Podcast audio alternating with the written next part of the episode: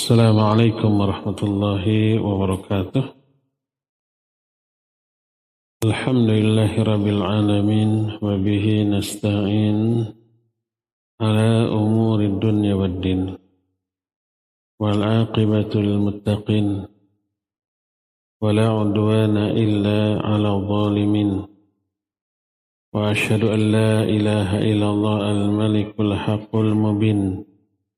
وأشهد أن محمدا عبده ورسوله صادق الوعد الأمين والصلاة والسلام على أشرف الأنبياء والمرسلين وعلى آله وأصحابه أجمعين ومن تبعهم بإحسان إلى يوم الدين وبعد Alhamdulillah kembali kita berjumpa. Materi sekarang atau kajian sekarang sebenarnya kajian khusus muslimah yang diselenggarakan oleh Radio Roja Cilengsi dulu tempatnya di sono. Selama pandemi dialihkan ke Bandung.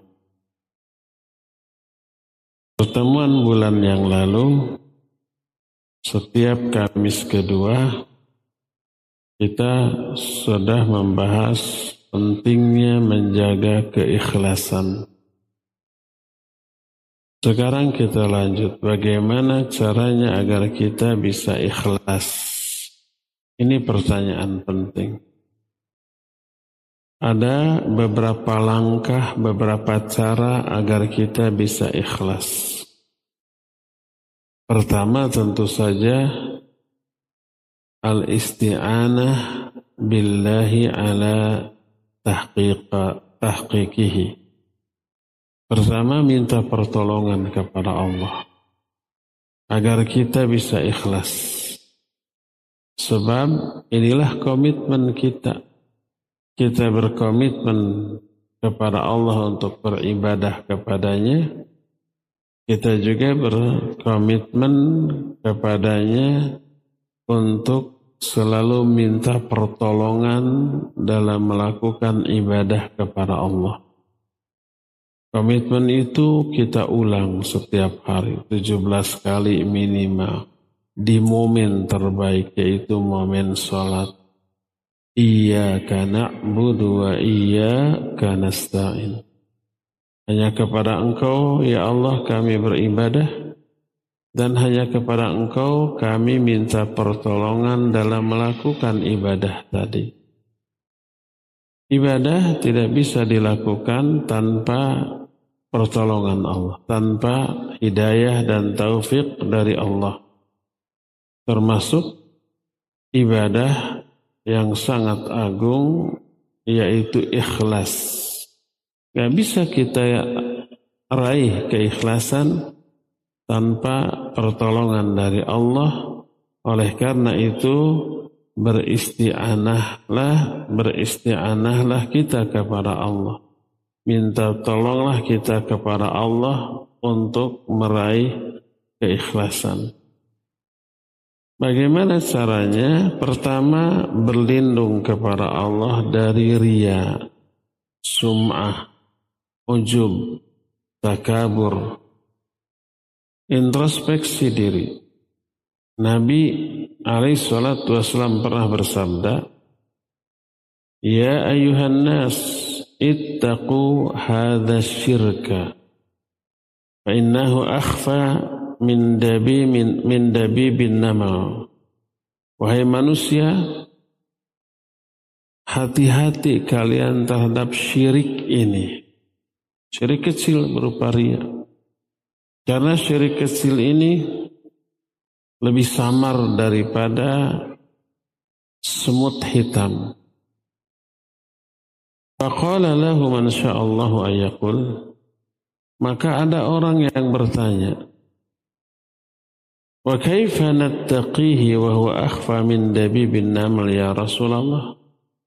Bagaimana caranya kita waspada hati-hati dari ria padahal dia lebih samar daripada semut hitam wahai Rasulullah maka beliau menjawab qulu Allahumma inna na'udzubika min an nusyrika bika syai'an na'lamuhu wa nastaghfiruka lima la na'lamuh. Katakan oleh kalian ini cara menghindari ria. Ya Allah, sesungguhnya kami berlindung kepada Engkau dari menyekutukan engkau dengan sesuatu yang kami ketahui dan minta ampun kepada engkau dari sesuatu yang kami tidak tahu. Jadi berlindunglah kepada Allah dari ria. Dan inilah yang dilakukan oleh para sahabat. Oleh para ulama tabi'in, tabi'ut tabi'in dan seterusnya. Sehingga Mutarif bin Abdullah pernah berdoa dan diajarkan ke murid-muridnya isi doanya adalah Allahumma inni astaghfiruka mimma tubtu ilaika min thumma untu fi wa astaghfiruka mimma ja'altuhu laka ala nafsi thumma lam ufi laka bih wa astaghfiruka mimma za'amtu anni aradtu bihi wajhaka fakhalata qalbi fihi ma qad alimta. Kata Mutarif ya Allah sesungguhnya aku minta ampun kepada engkau dari dosa-dosa yang aku sudah tobat kepadamu dari dosa itu lalu aku kembali mengulang dosa itu. Minta ampunan. Dan aku meminta ampunan kepadamu dari sesuatu yang aku telah janjikan untuk ditunaikan tapi tidak aku tunaikan dan aku minta ampun kepadamu dari suatu amalan yang aku sangka aku lakukan ikhlas karena dirimu tapi ternyata bercampur dalam hatiku sesuatu yang lain yang telah engkau ketahui. Kasus orang beramal merasa ikhlas, padahal tidak ikhlas itu banyak. Oleh karena itulah maka mintalah pertolongan dengan berdoa kepadanya agar hati kita dibersihkan, agar hati kita dimantapkan di atas ketaatan kepada Allah agar hati kita tidak digelincirkan kembali kepada kesesatan. Baca doa dalam ayat yang diajarkan kepada kita Rabbana la tuzigh qulubana ba'da id hadaitana wa hab lana min ladunka rahmah innaka antal wahhab. Baca doa Allahumma ya muqallibal qulub tsabbit qalbi ala dinik. Allahumma ya musarrifal qulub sarrif qalbi ala ta'atik. Baca doa Allahumma ati nafsi taqwaha wa zakkiha anta khairu man zakkaha anta waliyuha wa maulaha Baca doa Allahumma inni as'aluka fi'lal khairat. Ya Allah aku minta kepadamu hidayah untuk bisa melakukan perbuatan baik. Termasuk ikhlas. Wa tarkal munkarat. Meninggalkan yang mungkar termasuk ria dan sejenisnya.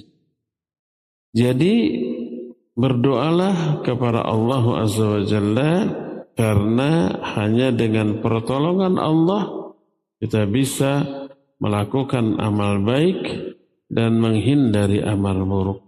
Bisa ikhlas dalam beramal dan menghindari ria. Karena ria sangat berbahaya. Baca doa Allahumma a'inni ala zikrika wa syukrika wa husni ibadatika. Ya Allah, tolong aku, bantu aku untuk selalu berzikir kepadamu bersyukur kepadamu dan melakukan sebaik-baik ibadah kepadamu dan kebaikan ibadah mesti diniatkan secara ikhlas. Inilah yang pertama. Kiat atau cara yang kedua agar kita bisa meraih keikhlasan adalah ayyata'arrafa ala ma yudaduhu al-ikhlas min afatil qulub kal ujub war riya was sum'ah liyataharraza min Kedua, mengenal lawan dari keikhlasan. Dikenali, diketahui, didalami bukan untuk diamalkan. Tapi untuk dijauhi sejauh-jauhnya. Karena kita selama hidup selalu ada di dalam medan perang. Musuh kita banyak. Terutama musuh yang tidak terlihat mata. Syaitan, hawa nafsu, termasuk diri kita agar kita bisa menang di dalam peperangan, wajib kita kenali musuh, karakteristiknya, kekuatannya, strateginya gitu ya. Agar kita bisa sembuh dari penyakit, pahami, kenali penyakit itu. Penyebabnya apa, cara kerjanya gimana, cara menyembuhkannya gimana, kan gitu. Nah termasuk penyakit batin, penyakit hati sebagai lawan dari keikhlasan seperti ria, ujub, sum'ah, takabur dan yang sejenisnya agar kita bisa menghindarinya. Zaifah al-Yamani menyatakan orang-orang selalu bertanya kepada Rasul Wasallam tentang kebaikan. Kalau aku selalu bertanya tentang keburukan. Bukan untuk diamalkan tapi untuk bisa dihindari. Siapa yang tidak mengenal keburukan, dia bisa terjerumus ke dalamnya. Jadi kenali ria, kenali sum'ah, kenali ujub, kenali takabur, kenali yang sejenisnya bukan untuk diamalkan, tapi untuk diapa? Dihindari. Seperti yang dijelaskan dalam salah satu hadis yang diterima dari Mahmud bin Labid radhiyallahu an. Dia berkata, "Kharaja Rasul sallallahu alaihi wa alihi wasallam faqal, ya ayuhan nas, iyyakum wa syirkas sarair." Suatu saat Rasul sallallahu alaihi wasallam keluar menemui para sahabat. Lalu berkata, "Wahai manusia, jauhi oleh kalian syirik yang sir, syirik yang samar, syirik yang tersembunyi. Lalu para sahabat bertanya, Ya Rasulullah, wa masyirkus sarair? Ya Rasulullah, apa sih syirik yang samar, yang tersembunyi itu? Berkata Rasulullah sallallahu alaihi wasallam, yaqumur rajulu fayusalli fayuzayyinu salatahu jahidan lima yara min nadharin nasi ilaih fadzalika syirkus sarair Syirik yang tersembunyi itu adalah seseorang berdiri sholat. Dia membaguskan sholatnya dengan sungguh-sungguh karena mengetahui orang-orang melihat kepada sholatnya. Tadinya mah biasa-biasa saja. Tapi begitu tahu ada orang yang sedang mengawasi sholatnya, dia perbagus sholatnya. Itulah syirik sarair atau yang tersembunyi. Masalah ini bukan masalah yang sepele. Karena apa? menghancurkan amal kita, menghancurkan, membinasakan nasib kita. Di akhirat terutama. Sampai para ulama menyatakan wa kam min muta'abbidin yata'abbadu li ghairillah wa huwa yadhunnu annahu lillah. Betapa banyaknya orang yang beribadah kepada Allah tidak ikhlas bukan karena Allah tapi dia meyakini ikhlas karena Allah. Kenapa? Lianna Al-yasira min riya syirkun wa syirku akhfa min dabibin nama karena ria sekalipun sedikit ini syirik dan syirik lebih samar, lebih tersembunyi daripada semut hitam. Malah di, di, di, di hadis lain seperti semut hitam yang merayap di atas batu hitam di malam hari yang gelap gulita. Kalau malam hari mah jangankan semut hitam ya. Banteng yang besar hitam aja nggak kelihatan. Kalau umpamanya semut hitam di atas batu hitam, jangankan malam hari, siang hari aja sering kali nggak kelihatan. Ini semut hitam di atas batu hitam di malam hari sangat samar.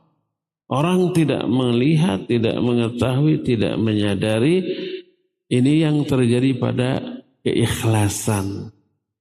Banyak orang yang nyangka ibadahnya ikhlas, apa pun ibadahnya, sholat, saum, dakwah, ngaji, merasa ikhlas. Padahal hakikatnya tidak ikhlas. Berkata Rasul Sallallahu Alaihi Wasallam ketika menjelaskan bahaya ria, bahaya ketidakikhlasan. Kata beliau, Inna akhwafa ma akhafu alaikum asyirqal. Sesungguhnya sesuatu yang paling aku khawatirkan menimpa kalian adalah syirik kecil.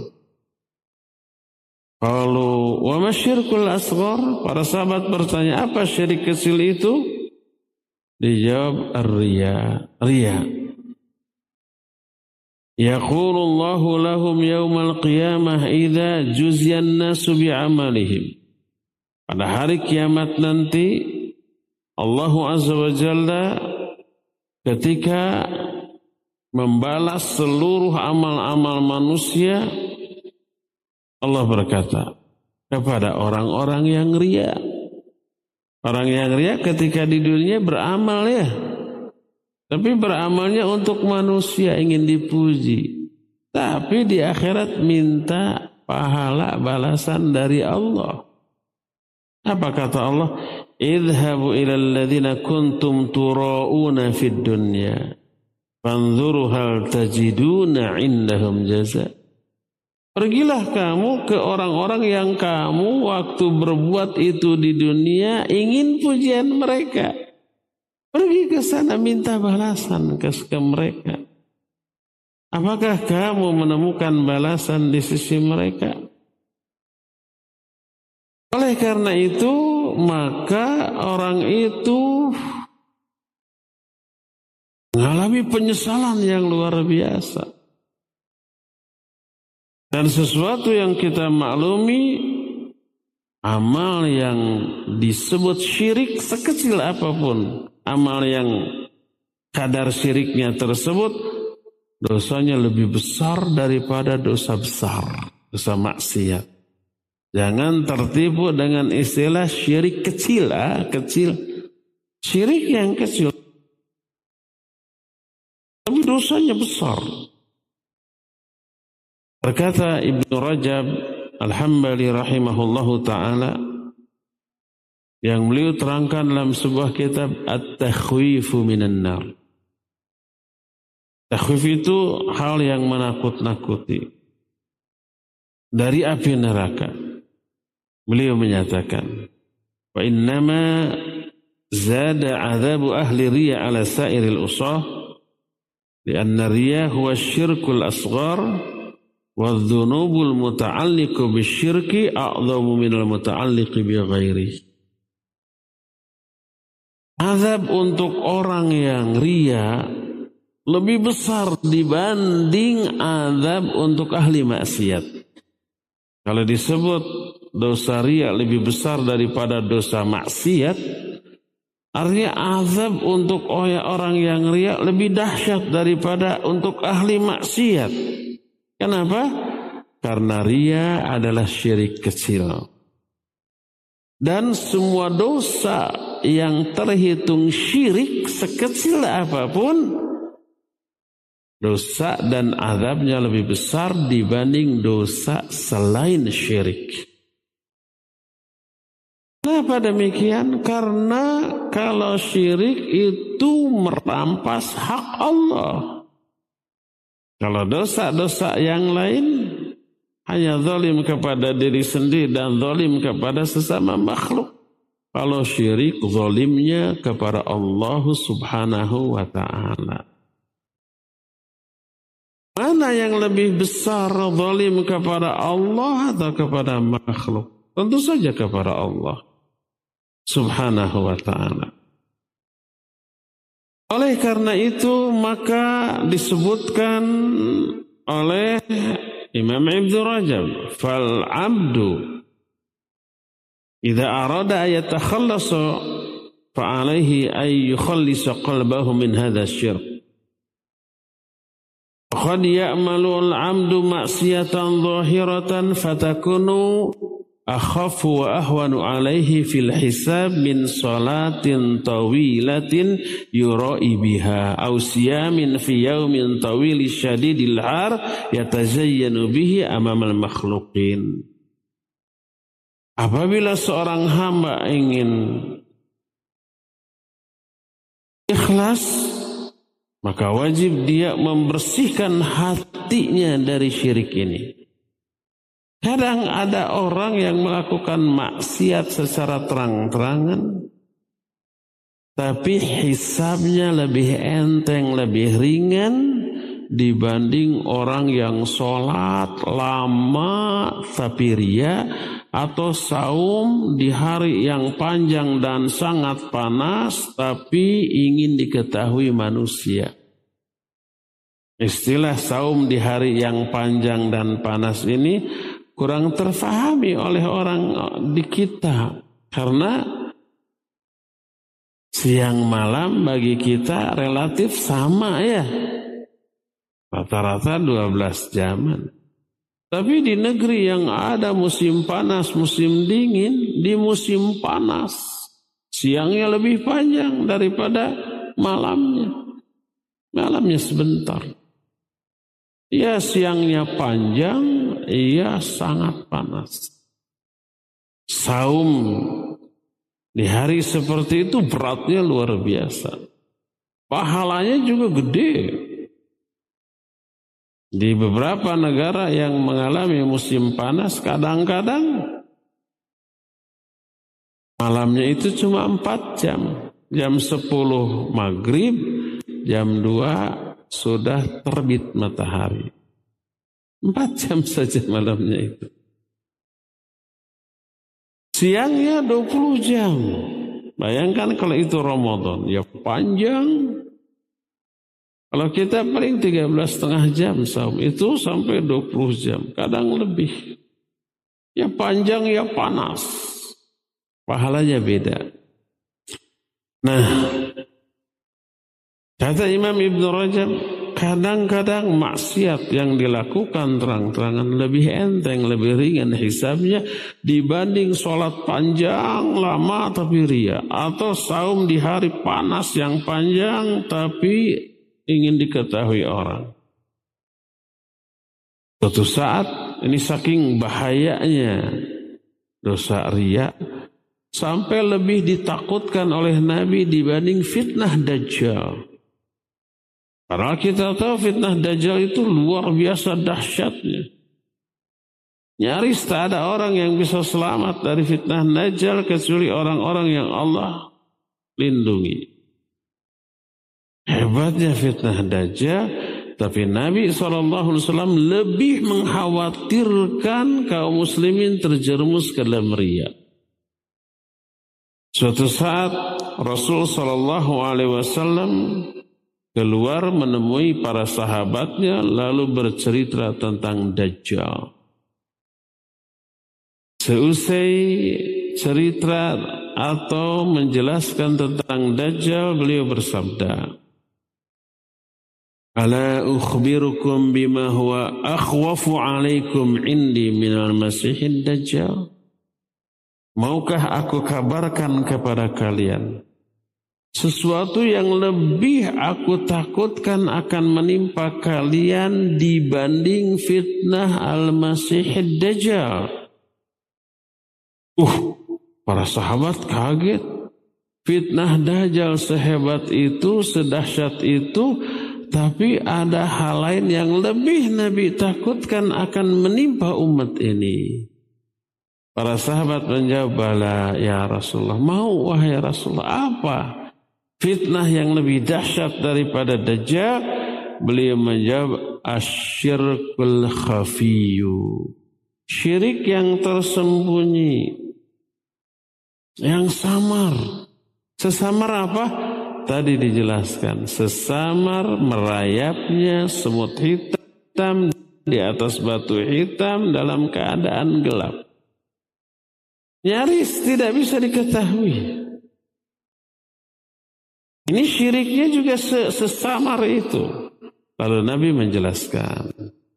Ayyaqumar rajulu yusalli fayuzayyinu salatahu lima yara min nadharir rajul.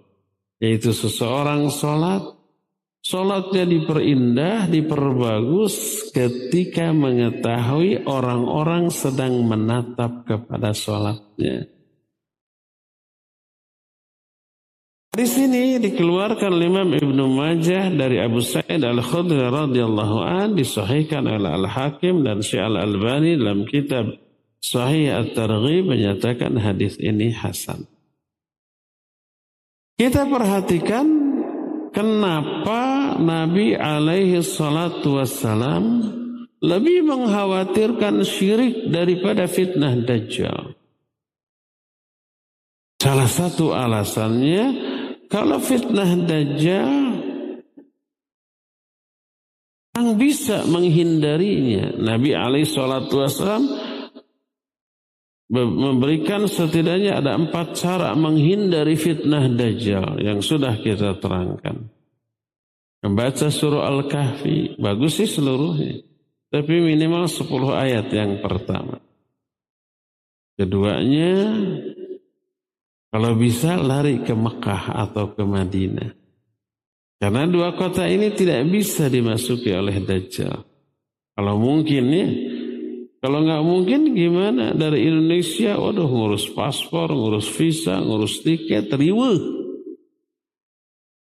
Nggak bisa sekarang pergi, eh, apa ngurus sekarang keluar nggak bisa harus berhari-hari. Pas dajjal keluar orang semua jutaan ngajuin visa dan tiket nggak kebagian kita. Tiga, tahun Allahumma inni bika min azabi jahannam min azabil qabr wa min fitnatil mahya wal mamat wa min fitnatil masihid dajjal. Yang kita baca di mana? Waktu sholat, waktu tasyahud. Dan yang keempat, lari menjauh. Dajjal ada di Jakarta, lari ke Bandung. Ada berita Dajjal menuju ke Bandung, lari ke Cirebon sana, ke Tasik sana. Pokoknya menghindar saja. Bisa dihindari itu. Ada orang selamat? Ada yang selamat. Banyak. Kalau ria mah nggak bisa. Ria mah nggak bisa kita lari. Lari ke mana? Ke hutan tetap masih bisa ria. Oleh karena itu, itu lebih berbahaya karena sangat mudah terkena dengan ria siapa pun. Apakah termasuk orang soleh, orang yang berilmu, para ulama? Iya. Bahkan orang-orang yang di atas rata-rata kemampuan dan perannya itu lebih beresiko mudah terkena ria Siapa sih orang-orang yang di atas rata-rata baik kemampuannya ataupun kiprahnya? Pertama ulama, ustaz. Kedua mujahid, ya enggak? Ya, semua orang bisa menjadi dua orang ini. Ketiga hartawan tapi dermawan. Dia kaya raya, kaya raya, pelit aja orang banyak hormat ya enggak? Minimal di hadapannya. Apalagi ini karya raya dan dermawan. Uh, pasti dicintai, disukai. Tiga-tiganya ini rentan terkena ria. Sampai hadis Nabi SAW khusus bicara tentang itu. Inna awalan nas yuqda yawmal qiyamah salasa. Orang yang pertama kali dihisab pada hari kiamat tiga golongan manusia. Mujahid, ulama, dan hartawan yang dermawan. Dipanggil. Ternyata mereka semua melakukan itu dengan ria. Blur. Semuanya dilempar ke api neraka. Bukan karena amalnya. Amalnya bagus. Jihad. Belajar ilmu, mengajarkan ilmu. Infak dan sodako. Amalnya bagus. Mereka masuk ke neraka bukan karena amal, tapi karena apa? Ria dalam beramal. Niat yang salah. Walaupun manfaat ke umat. Jihadnya mujahid manfaat bagi umat, ya. Infak sodakoh yang di share dibagi oleh hartawan manfaat, iya. Ilmunya para ulama manfaat, iya. Dan ini pernah Diterangkan oleh Nabi alaihi salatu wasallam dalam hadis sahih riwayat Bukhari dan Muslim, "Innallaha la yu'ayyidu hadha ad-din bi rajulin fajir." Allah akan menguatkan agama ini dengan orang yang durhaka. Orang durhaka menyebabkan agama ini terkuatkan. Kok bisa? Siapa orang durhaka ini? Orang durhaka yang dimaksud dalam hadis ini bukan tukang mabok, tukang judi, tukang zina, rampok, bukan. Tapi ulama, ustaz, kiai, dai, mubalik. Kok bisa mereka uh, orang durhaka?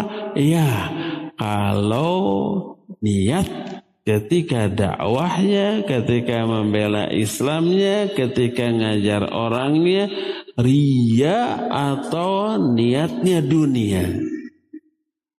Siapa orang yang ria dalam beramal, dia durhaka.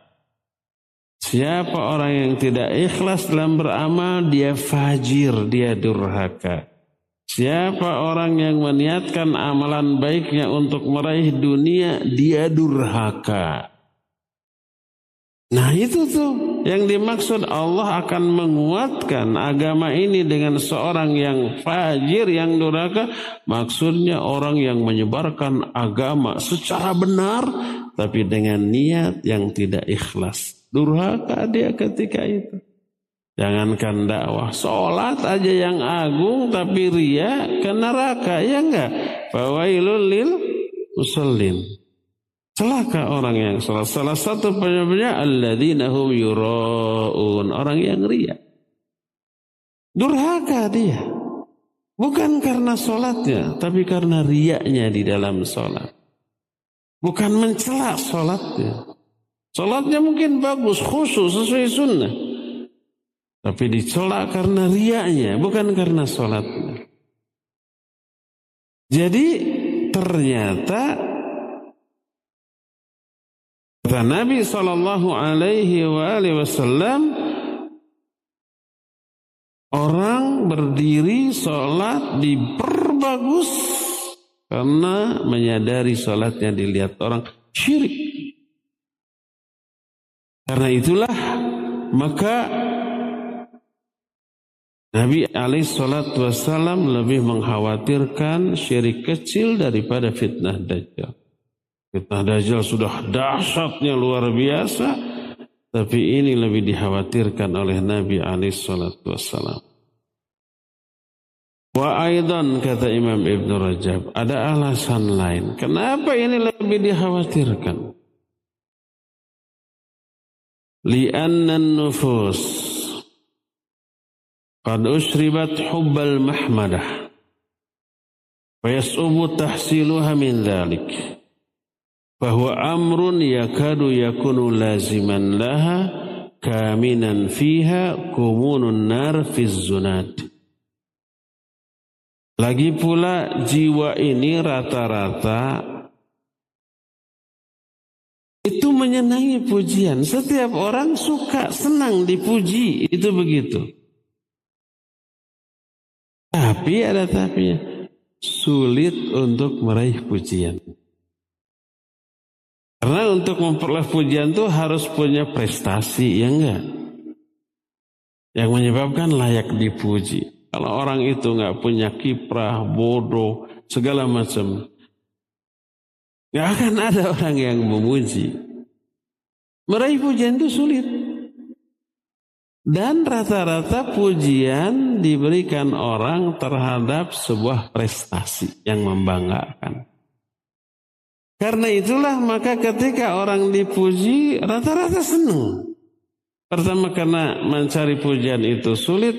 Yang keduanya pujian adalah apresiasi. Apresiasi terhadap sebuah prestasi yang sudah kita lakukan. Nah, ini sesuatu yang nyaris dimiliki oleh setiap orang dan tersembunyi di dalam hati seperti tersembunyinya api di dalam sekam. Tahu kan sekam? Nyaris kita tidak pernah melihat sekam di zaman sekarang. Bahasa Sunda nama huut. Apa huut, apa sekam itu? Yaitu kulit padi yang sudah halus. Kalau padi mau jadi beras diapain? digiling ya di mesin penggilingan namanya heller. Jadi aja beras. Berasnya keluar dari satu jalan terus si gabahnya yang sudah hancur menjadi sekam keluar dari arah lain terpisahkan. Itu sekam. Sekam ini kalau dibakar nyala bertahan lama lalu terkubur oleh sekam. Tidak terlihat ada api. Padahal di bawahnya masih menyala. Begitu di dikoerkan, di apa dikoerkan? Dikoerkan. Begitu disingkapkan, kelihatan apinya menyala. Makanya ada peribahasa kebencian atau permusuhan yang disembunyikan di hadapan orang diistilahkan dengan seperti apa? Api dalam sekam. Tidak kelihatan. Tapi ada trigger saja, ada pemicu saja. Uh, langsung. Api dalam sekam nggak kelihatan. Begitu di diapakan tadi? Dikoerkan, di apa? Disingkapkan, baru kelihatan nyala. Nah, keinginan orang untuk dipuji tersembunyi. Seperti api dalam sekam tadi. Oleh karena itulah maka hendaklah setiap orang mewaspadai hal ini. Selalu introspeksi, selalu memperbaiki diri, selalu menjaga diri dari apa? dari ria ini karena saking tersembunyinya mengakibatkan orang tidak menyadari bahwa dia ria. Menyadari bahkan meyakini bahwa dirinya itu apa? Ikhlas, padahal tidak ikhlas. Saking apa? Saking tersembunyinya tadi.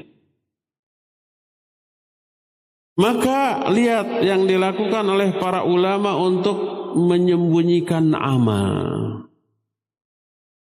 Seorang ulama salaf namanya Abu Wa'il idza shalla fi baitih yanshiju nashijan law ju'ilat lahu dunya ala ayyaf'alahu wahidun ya wa ahadun yarahu ma fa'alahu. Dia sholat sendirian di rumahnya si sholat sunat nggak mungkin sholat wajib. Kalau sholat wajib pasti di di masjid. Ini sholat sunat sendirian itu menangis sampai-sampai sesegukan tapi dia tidak melakukan ini kalau ada seorang saja yang mengetahui atau melihatnya. Sekalipun anggota keluarganya. Seorang ulama salaf namanya Hamad bin Zaid. Ngajar kalau ketika ngajar menemukan ayat, hadis, kaul ulama, ucapan sahabat yang menggetarkan hatinya, membuat dia ingin menangis. Baca ayat tentang neraka, mereka mau pakai penghayatan, bergetar hatinya, menangis. Tapi saking ingin menjaga keikhlasan, dia berupaya untuk tidak menangis dia lakukan? Dia pura-pura batuk. Dia pura-pura bersin. Dia pura-pura berdehem. Sebagaimana dijelaskan oleh Hamad bin Zaid karena Ayub rubbama haddath al hadis fayariku fayaltafisu fayatamakhat fayatamakhatu fayakul ma ashad zukam Ayub dia suka mengajarkan hadis. Ketika ada hadis yang materinya membuat dia tergetar, ingin menangis. Dia berpaling ke kiri, lalu dia imtikhat. Ikhtiyat apa bahasa kitanya? Nyingsring apa yang sering teh? Buang ingus gitu. Sambil ngarehak atau ngarehak berdehem batuk lalu dia menyatakan ma'asyad zukam. Betapa dahsyatnya flu yang sedang saya alami. Saya sedang flu berat. Padahal itu meng, menahan tangisan. Mengapa namanya? Mengalihkan agar tidak terlihat dia itu akan menangis ketika menjelaskan hadis yang sedang dia bahas. Amma takalluful buka fi shalah fa innama yakunu hinama yughliqul insan alaihi babah wa la yattali'u alaihi ahadun. Adapun memaksa-maksakan diri menangis di dalam sholat. Kalau toh tidak ingin menangis, berpura-puralah menangis. Bagus. Asal ketika menyendiri. Tak ada seorang pun yang melihat. Ada seorang pun yang mengetahui ketika kita bangun malam, sholat tahajud sendirian, silakan berupayalah untuk menangis. Asal tidak ada yang melihat. Wa amma ayatakallaf al-insan fi musallin fahada amrun la yasuq. Adapun berupaya menangis sesegukan ketika bersolat berjamaah dengan orang ini nggak boleh. Kalau toh ingin menangis tahan, jangan sampai.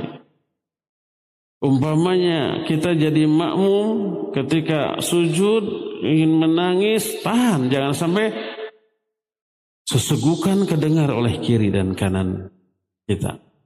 Atau jadi imam, tahan untuk tidak menangis. Kalau bisa. Tapi hindarkan dengan cara berdehem, dengan cara yang bisa mengalihkan dia dari tangisan. Walakin man alaihi buka fahada sya'nun akhar. Adapun kalau memang tidak mampu tangisan ditahan di luar kemampuan dia, maka ini mah hal lain. Kalau umpamanya kita sedang jadi imam baca ayat tentang neraka, sudah ditahan-tahan lalu tidak tertahan, La yukallifullahu nafsan illa. Itu di luar kemampuan dia. Dia sudah berusaha menahan tapi nggak tertahan akhirnya nangis. Ya nggak masalah. Karena itu di luar kemampuan kita. Allah tidak membebani seorang kecuali sesuai dengan kemampuan kita. Makanya kita sering mendengar hadis Nabi saw menangis, terdengar oleh istrinya, terdengar oleh sahabatnya. Para sahabat juga begitu, para ulama juga begitu. Bahkan ada ulama yang ketika membaca Fatihah tidak kelar-kelar, tertahan oleh tangisan. Ketika membaca Iyyaka na'budu wa iyyaka nasta'in sudah. Dia tertahan lama.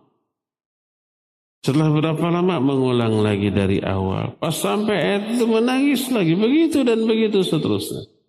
Bahkan Ibnu Umar ketika membaca surah An-Nazi'at pas sampai kepada ayat tentang kiamat dia sampai pingsan dari sholatnya. Itu di luar kemampuan dia maka nggak masalah. Inilah yang namanya keikhlasan. Berkata Imam Ibn Qayyim rahimahullahu ta'ala. Fal khalis ayyakuna lillah wasawab ayyakuna ala sunnah. Ketika menerangkan penjelasan Fudail bin Iyad rahimahullah. Fudail bin Iyad ketika menerangkan alladzi khalaqal mauta wal hayata liyabluwakum ayyukum ahsanu amal. Surah Al-Mulk ayat yang kedua. Allah lah yang telah menciptakan kematian dan kehidupan. Kehidupan dan kematian. Untuk menguji kalian. Siapa yang lebih baik amalnya di antara kalian? Yang lebih baik kata Fudail bin Iyad adalah akhlasuhu wa aswabuhu yang paling ikhlas dan paling benar. Siapa yang ibadahnya paling ikhlas dan juga paling benar berarti paling baik. Kebaikan ibadah dilihat dari ikhlas dan benarnya. Bukan dilihat dari lamanya, beratnya, bukan. Ikhlas dan benar. Apa ikhlas? Kata Imam Ibn Qayyim, Fal khalis ayyakuna lillah. Orang yang ikhlas adalah orang yang meniatkan ibadahnya karena Allah wasawab ayyakuna ala sunnah. Sedangkan benar kalau ibadahnya itu sesuai sunnah. Inilah yang Allah firmankan dalam surah Al-Kahfi ayat terakhir. Al-Kahfi ayat 110 Allah menyatakan, "Faman kana yarju liqa'a rabbih falyamal 'amalan shaliha wa la yusyrik bi ibadati rabbih ahada." Siapa orang yang mengharapkan pertemuan dengan Allah, Rata-rata orang tidak berharap berjumpa dengan Allah. Karena apa? Karena takut azabnya, karena dosa-dosanya mungkin terlalu banyak. Bertemu dengan Allah binasa, terazab. Makanya nggak berharap berjumpa dengan Allah. Seperti maling nggak berharap ketemu polisi. Seperti koruptor nggak berharap ketemu KPK. Seperti polisi jahat nggak berharap ketemu profam. Kalau profamnya yang jahat gimana? Dia nggak berharap ketemu siapa ya. Jadi siapa kalau begitu yang pertemuan dengan Allah itu sangat diharapkan? Siapa? Orang yang patuh, tunduk kepada aturan Allah yang melaksanakan seluruh perintah Allah, menjauhi semua larangannya. Pertemuan dengan Allah itu sesuatu yang diharapkan. Dia selalu menjauhi dosa, berjumpa dengan Allah tidak takut karena dia tidak pernah melanggar secara sengaja. Mungkin ada satu dua dosa, tapi langsung ditobati. Nah itu yang berharap. Allah menyatakan, "Faman kana yarju liqa rabbih." Siapa orang yang ingin berharap berjumpa dengan Allah, falyamal amalan soliha, maka lakukan amal soleh. Orang yang melakukan amal soleh banyak, uh, nanti berjumpa dengan Allah itu kebahagiaan. Jangankan itu sekarang ada karyawan rajin, Jam 8 sampai jam 4, jam 7 sudah datang. Pekerjaan untuk besok sekarang sudah selesai. Pekerjaan untuk lusa besok juga beres lah gitu ya. Terus rapi pekerjaan. Menantang pekerjaan lain, bos. Saya sekarang nganggur, nggak ada pekerjaan lagi. Ada nggak tambahan? Bosnya senang. Dikasih lagi, langsung beres, langsung beres. Orang seperti itu tiba-tiba dipanggil bos, ada panggilan. Kira-kira takut apa senang? Senang. Saya pasti akan dikasih reward, dikasih apresiasi, dikasih fee, dikasih bonus, mungkin naik jabatan, mungkin naik gaji, mungkin ada tugas spesial, luar negeri gitu. Mungkin ah, kayak gitu tuh. Tapi kalau ada karyawan yang jam 9 baru masuk sampai di di tempat tuh babatok hela, ngopi hela, main game. jam 3 sudah keluar, sudah pulang. Jam 12 ketika istirahat dia keluar, jam 2 baru datang lagi, jam 3 sudah pulang. Pekerjaan nggak beres. Ketika dipanggil oleh bos pekerjaan mana? Ah sebentar mas, belum beres. Parijeng tuh beres-beres. Kayak gini. Orang ini lalu dipanggil oleh bosnya. Seneng apa takut? Pasti takut. Aduh, dia sudah tahu diri tuh. Mungkin di SP, mungkin diturunkan jabatannya, dikurangi gajinya, dikurangi fasilitasnya, yang paling dikhawatirkan dipecat secara tidak hormat. Orang ke orang aja sudah begitu. Apalagi kepada Allah Azza wa. Siapa yang ingin berharap berjumpa dengan Allah maka falyamal amalan solihan lakukan amal soleh. Terus wala yusyrik bi ibadati rabbih abada ahada Nah, tapi ingat dalam beribadah kepada Allah jangan Allah sekutukan dia dengan sesuatu pun. Jangan syirik termasuk syirik kecil dalam bentuk mengamalkan ibadah untuk selain Allah.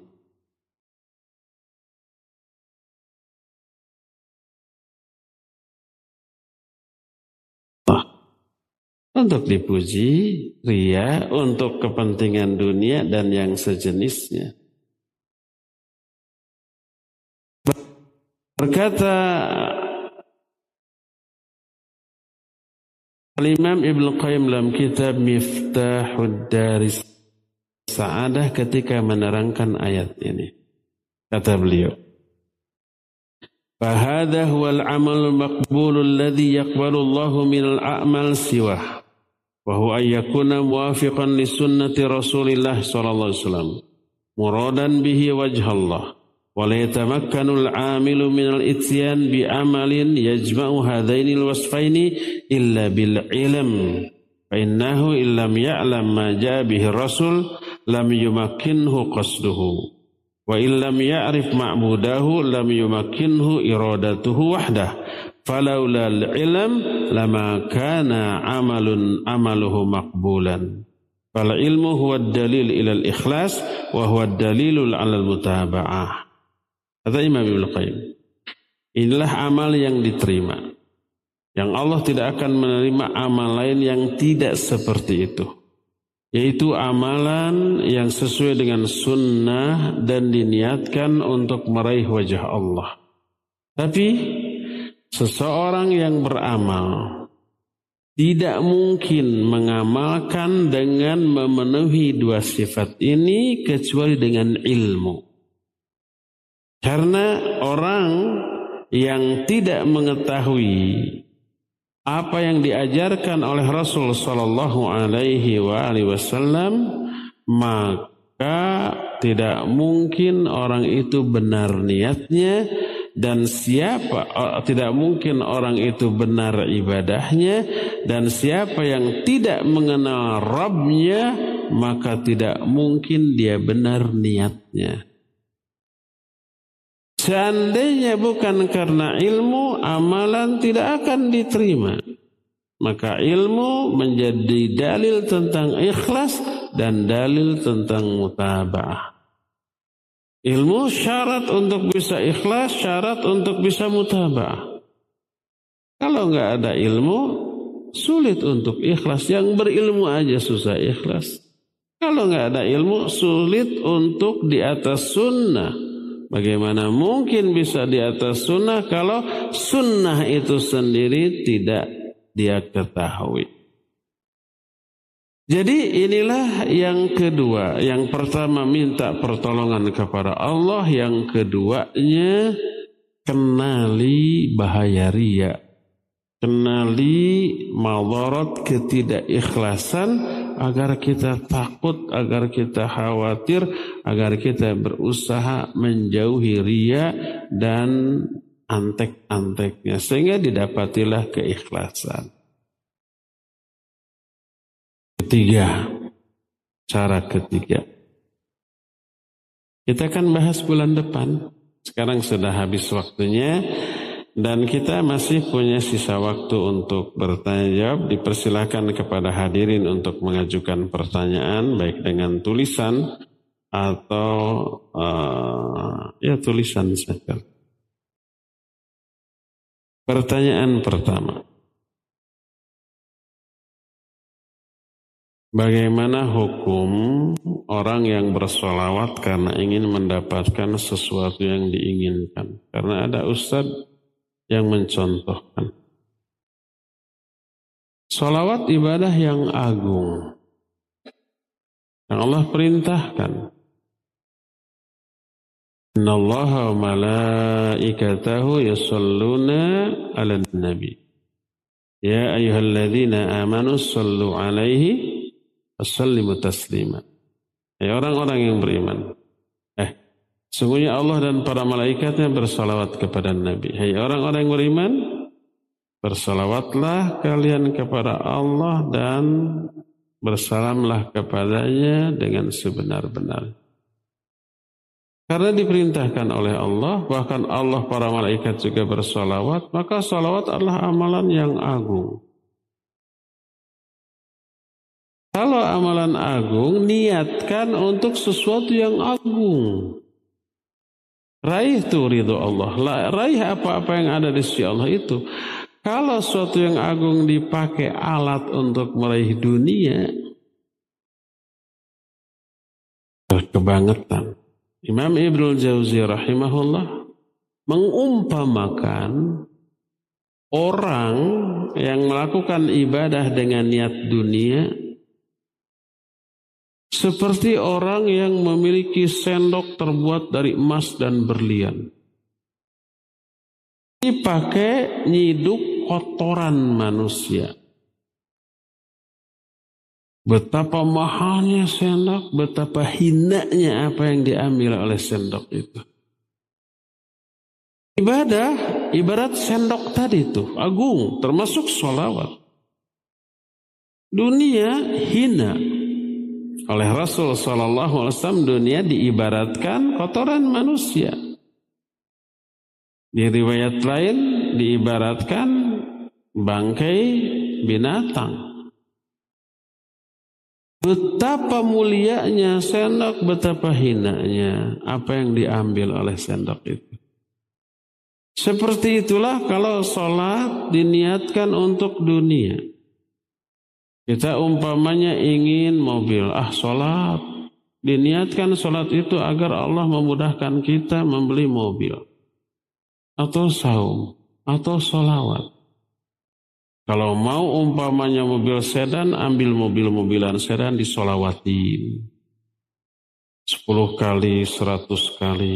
Gitu. Nanti dapat mobil. Hina itu.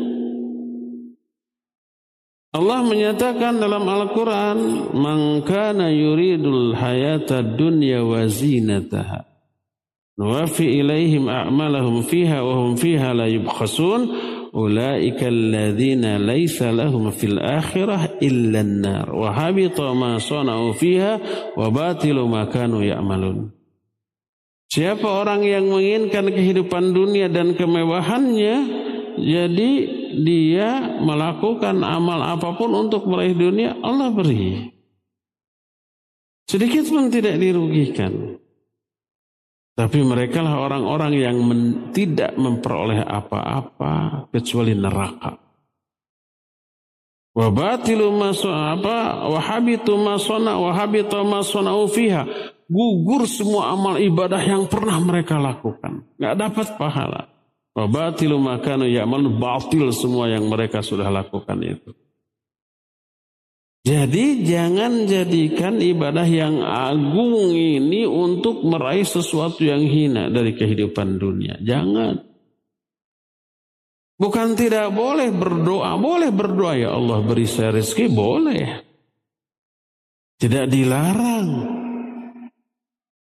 Sebab di dalam sholat juga kita ada doa minta rizki ya. Allahumma Allahumma gfirli warhamni wajburni dalam dalam duduk ya. Sampai ada warzuqni. Wa'afini. Itu minta dunia kesehatan. Minta rizki. Ya boleh. Nggak masalah minta rizki. Ya Allah saya dililit hutang. Mudahkan saya untuk melunasinya. Boleh. Tapi kamu kalau umpah melakukan ibadah dengan niat itu jangan. Kenapa kamu rajin tahajud? Biar hutang saya lunas. Kalau sudah lunas, berhenti tahajud. Kenapa kamu rajin sholawat? Pengen mobil. Setelah mobil dapat, berhenti sholawat. Oh enggak, saya nggak akan berhenti tahajud, nggak akan berhenti sholawat terus. Walaupun demikian, jangan niatkan tahajud, saum, sholawat untuk dunia. Ya, kalau mau dunia, pertama boleh berdoa, minta dimudahkan dalam urusan dunia. Yang kedua, ikhtiar yang real, yang nyata. Nah, bisa rizki diperoleh hanya dengan duduk tanpa ikhtiar yang nyata. Ya, Allah a'lam.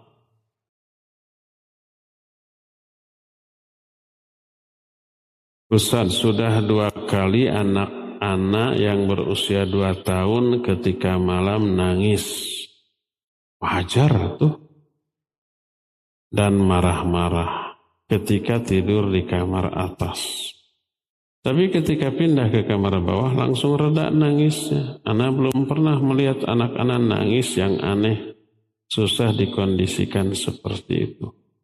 Apakah berdosa atau syirik meyakini anak diganggu jin? Apakah harus anak periksa rumah? Dikhawatirkan ada uh, benda bertanduk berbentuk makhluk itu pada rumah dipakai ibadah. Baik. Anak-anak nangis di tempat tertentu tidak berarti ada jin. Kata jin itu bukan ulah saya, kamu suudon ke saya. Ada banyak faktor. Mungkin panas, ngelekap begitu. Atau memang dia sudah terbiasa di bawah, di tempat lain nggak suka. Jangankan itu, kita, saya aja. Kalau di rumah, di bra. Terus tidur di hotel berbintang, bintang tujuh. Saking bagusnya empuk, megah, mewah, dan nggak bisa tidur itu. Kurang apa coba? Apa harus salahkan? Jin ini mah. Pasti diganggu jin sehingga tidak bisa tidur. Apa begitu? Kata jin yang ada di sana, eh, saya jadi panemlehan. Jadi kambing hitam. Kenapa? Coba tanya ke psikolog, ke psikiater. Atau kenapa kalau kita tidur di suatu tempat yang baru, yang asing, seempuk, semewah, senyaman apa pun nggak bisa tidur. Pernah ada di sini yang begitu? Ya. Saya sering. Jadi bukan karena jin, mungkin faktor psikis, ya. Ada faktor lain yang saya tidak tidak sanggup untuk menjelaskan, tapi itu membuktikan bukan karena gangguan jin. Kalau karena gangguan jin, begitu masuk kamar baca doa, apa doanya? A'udzu bi kalimatillahi tamati min syarri ma Baca ayat kursi di sana. Sebelum tidur baca doa, baca beberapa ayat, insya Allah nggak akan diganggu oleh setan dari kalangan bangsa jin, tibra di mana pun. Tapi ada faktor lain di luar itu yang menyebabkan seseorang tidak betah. Walaupun empuk, enak, mewah seperti di hotel. Nah mungkin faktor itu ya jadi kalau umpamanya curiga ke jin, sok aja di, di ruqyah ruangan itu. Tadi disebutkan sering dipakai ibadah. Ketika dipakai ibadah, jinnya kabur. Ketika ibadahnya selesai, jinnya datang lagi mungkin. Tapi ketika kita masuk baca ayat kursi di awal malam, maka jin semalam itu nggak bisa masuk ke sana. Baca doa a'udzu bi kalimatillahi tamati min syarri ma Dia tidak akan dimadaratkan oleh apa pun.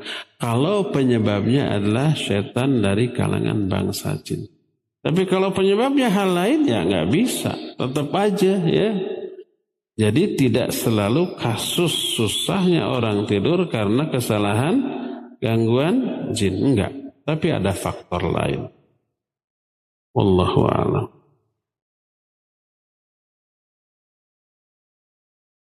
Bagaimana hukumnya orang yang menutup aurat atau berhijab tapi tidak sesuai dengan perintah Allah dalam surat An-Nur 31 Al-Ahzab 59?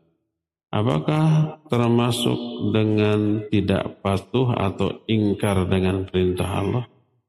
Menutup hijab tapi tidak sesuai dengan perintah Allah. Maksudnya tidak sesuai cara menutup auratnya gitu.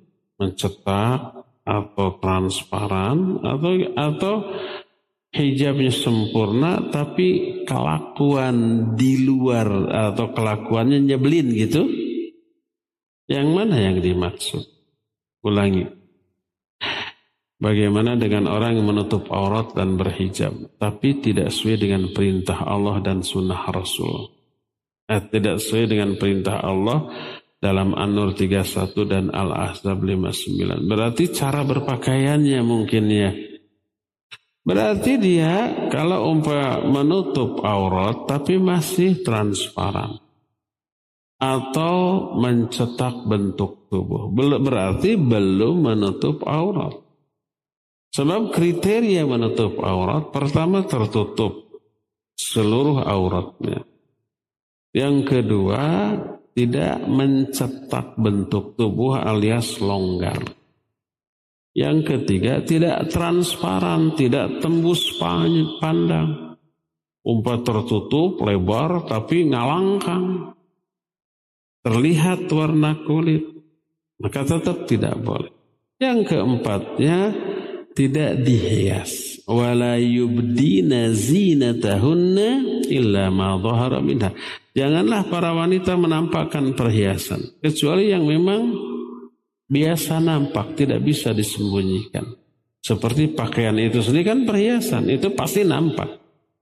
Nah sekarang akhwat agar terlihat lebih bagus, pakai beberapa aksesoris di kerudungnya, di jilbabnya, pakai saya suka salahnya buat bordir apa bordil Pakai bordil ya eh. R apa L? R. R. Kalau rumah bordil itu mah buruk ya. Bordir, pakai hiasan, pakai aksesoris. Yang paling parah aksesorisnya snopi, Scooby-Doo. Binatang najis. Ya binatang, ya najis, ya hiasan. Itu yang terlarang wala yubdina zinatahun illa ma dhahara minha. Aksesoris hiasan itu bisa disembunyikan? Bisa, sembunyikan. Atau model cara berkerudung sehingga tampak lebih cantik. Kebanyakan akhwat yang tadinya menutup aurat lalu hijrah jadi menutup aurat bukan memperdalam agama atau tata cara menutup auratnya tapi memperdalam model cara berkerudung yang lebih menarik dalam pandangan laki kan gitu kebanyakan nggak boleh oleh karena itu orang tadi, akhwat tadi kalau memang tidak memenuhi kriteria tadi belum mengamalkan An-Nur 31 atau Al-Azab 59 ya. Masih dianggap belum menutup aurat walaupun seluruhnya tertutup tapi mencetak bentuk tubuh. Bagaimana caranya agar saya bisa melupakan perasaan kecewa terhadap ibu saya yang selama saya remaja sering mengucapkan kata-kata menyakitkan. Dan bahkan beberapa kata-kata buruk menjadi kenyataan. Karena hingga saat ini masih menjadi ganjalan meski saya sangat menyayangi ibu saya. Baik, barakallahu fiqh. Saya nggak tahu apa ibunya masih ada atau sudah tidak ada. Setiap orang pasti punya salah, siapa pun. Kalau kesalahan semua orang selalu kita ingat, selamanya kita akan memiliki rasa benci dan kecewa kepada semua orang. Akhirnya kita tersiksa oleh perasaan kita sendiri, terbayang-bayang terus. Seperti yang ditanyakan ini, dia tersiksa dengan perasaannya sendiri terhadap ibunya lagi. Apa yang harus kita lakukan? Ah, pertama, tentang diri sendiri, tentang diri sendiri. Ingat-ingatlah keburukan, dosa, dan kesalahan kita. Sebaliknya, lupakan seluruh kebaikan-kebaikan yang pernah kita lakukan. Kesalahan ingat-ingat terus untuk ditobati, disesali, dirubah. Kebaikan lupakan. Itu alamatus sa'adah. Kata Ali bin Abi Thalib radhiyallahu an, alamatus sa'adah arba'ah. Tanda-tanda kebahagiaan empat. Pertama, nis nisyanul hasanatil madiyah. Melupakan kebaikan-kebaikan kita di masa lalu. Kedua, zikrul dzunubil madiyah. Selalu mengingat dosa masa lalu. Ini untuk diri kita ya. Untuk diri kita. Adapun untuk orang lain sebaliknya, agar kita tidak memiliki kebencian, kedengkian, permusuhan, suudon dan perasaan buruk kepada orang lain, sebaliknya ingat-ingat kebaikan mereka, kedua lupakan seluruh keburukan mereka. Kita mengingat kebaikan mereka agar mendoakan mereka mendoakan kebaikan bagi mereka, lalu membalas, ingin selalu membalas kebaikan mereka. Sebaliknya, kejahatan yang pernah mereka lakukan, lupakan, lupakan agar tidak ada dendam. Tidak ada benci, tidak ada dengki, tidak ada memusuhi sebab ini tujuan setan di dalam menggoda manusia setelah gagal memusyrikan manusia menimbulkan permusuhan. Berkata Rasulullah SAW, Inna syaitan qad ya'isa ayya'budahul musalluna fi jaziratul Arab. Walakin fit tahrish bainahum. Syaitan itu sudah putus asa untuk disembah lagi oleh manusia di jazirah Arab. Tapi syaitan melakukan taktik strategi kedua yaitu tahrish, menimbulkan kebencian di antara sama muslim. Tahu nggak kenapa judi mabuk diharamkan? Salah satunya adalah karena judi dan mabuk menimbulkan permusuhan dan kebencian di antara sama mereka. Ini yang harus kita hindari. Kalau orang sudah benci, sudah dengki, mengikis iman. Nah Rasulullah SAW bersabda, La tadkhulul jannah hatta tu'minu wa la tu'minu hatta tahabu. Kamu nggak bisa masuk surga sebelum beriman, kamu tidak dikatakan beriman sebelum saling mencintai. Kalau membenci berarti nggak ada iman.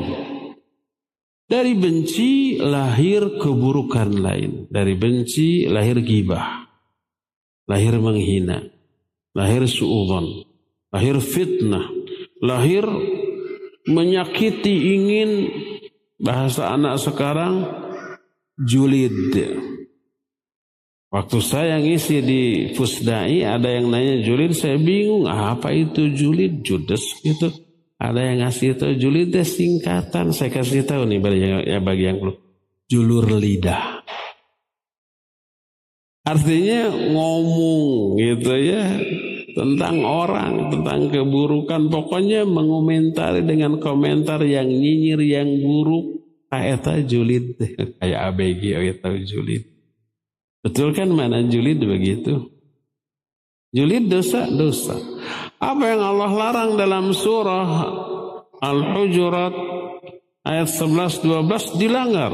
La yaskhar qaumun min qaumin asa ay yakunu khairu minhum wala nisa'un min nisa' asa yakunna khairu min minhun wala talmizu anfusakum wala tanabazu bil alqab. Ya, jangan saling menghina, Jangan saling merendahkan, jangan saling memberi gelar-gelar yang buruk. Ijtanibu kathira minadhan. Jauhi su'udhan. Wala tajassasu. Jangan tajassus.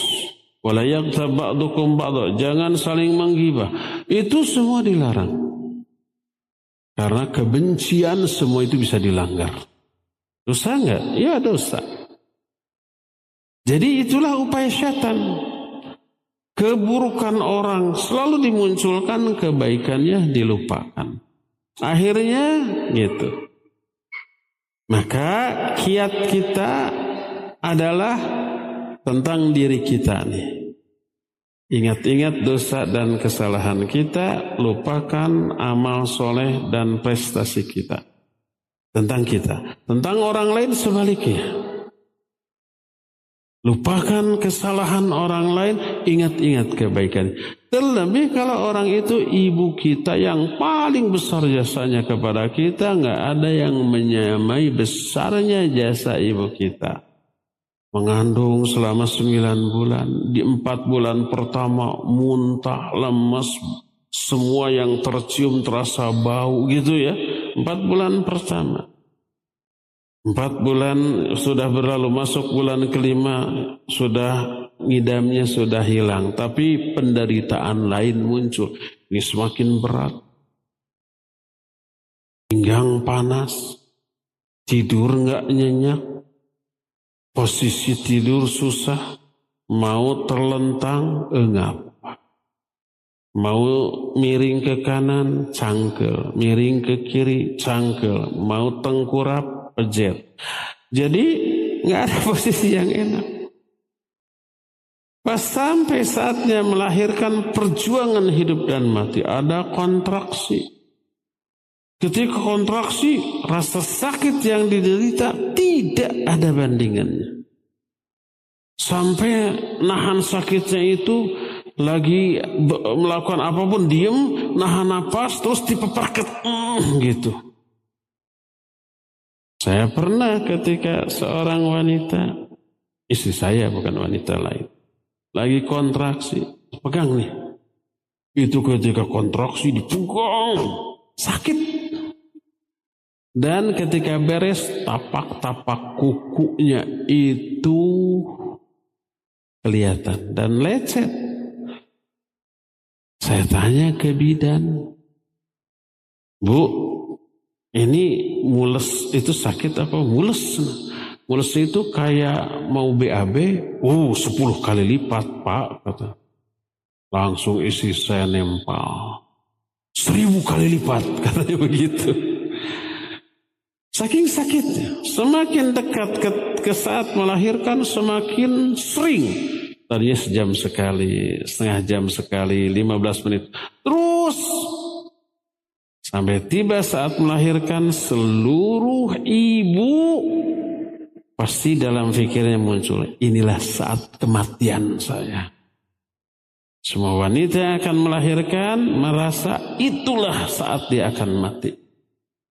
Gak apa-apa saya mati asal bayi saya hidup. Tuh, ada nggak orang lain yang seperti itu ke kita? Nggak ada. Sampai bro, wah, wah, baru plong. Tapi egoisme wanita di sini muncul. Kalau ketika menikah pengantin baru dunia serasa milik berdua ya enggak? Tapi seorang wanita begitu melahirkan plong dunia serasa milik sendiri. Suami suaminya dilupakan. Egois apa tidak? Nanti sareri itu beres melahirkan. Masih nyengir tuh ya. Masa-masa apa namanya uh, setelah melahirkan apa namanya nifas.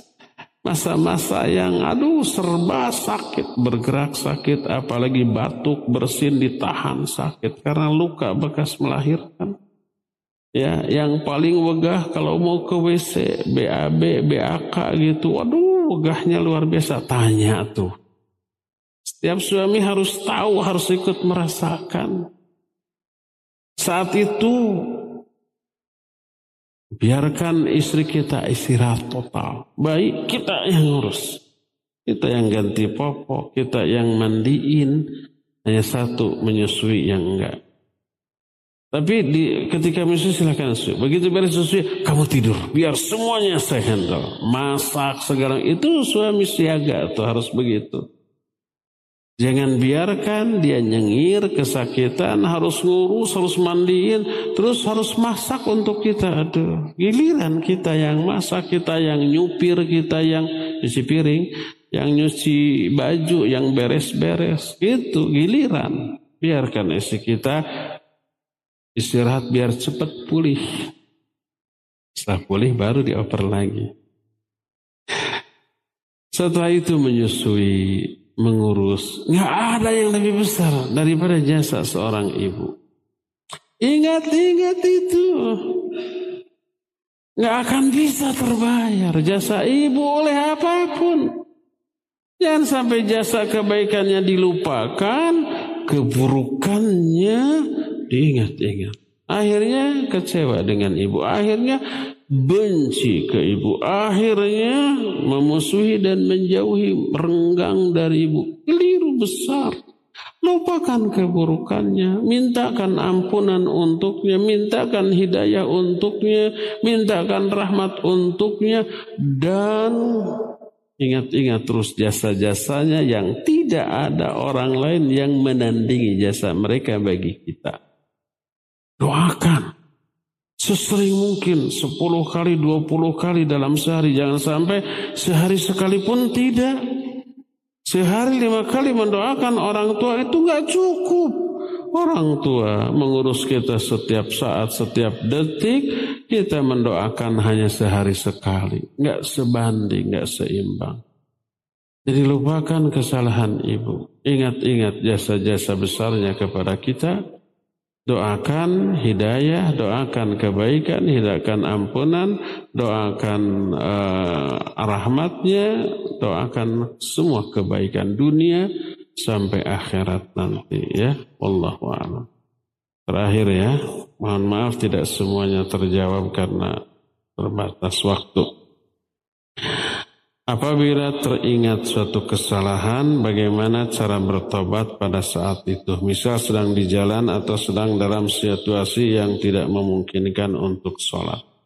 Pertama, menyesal. Lu sudah melakukan dosa ini.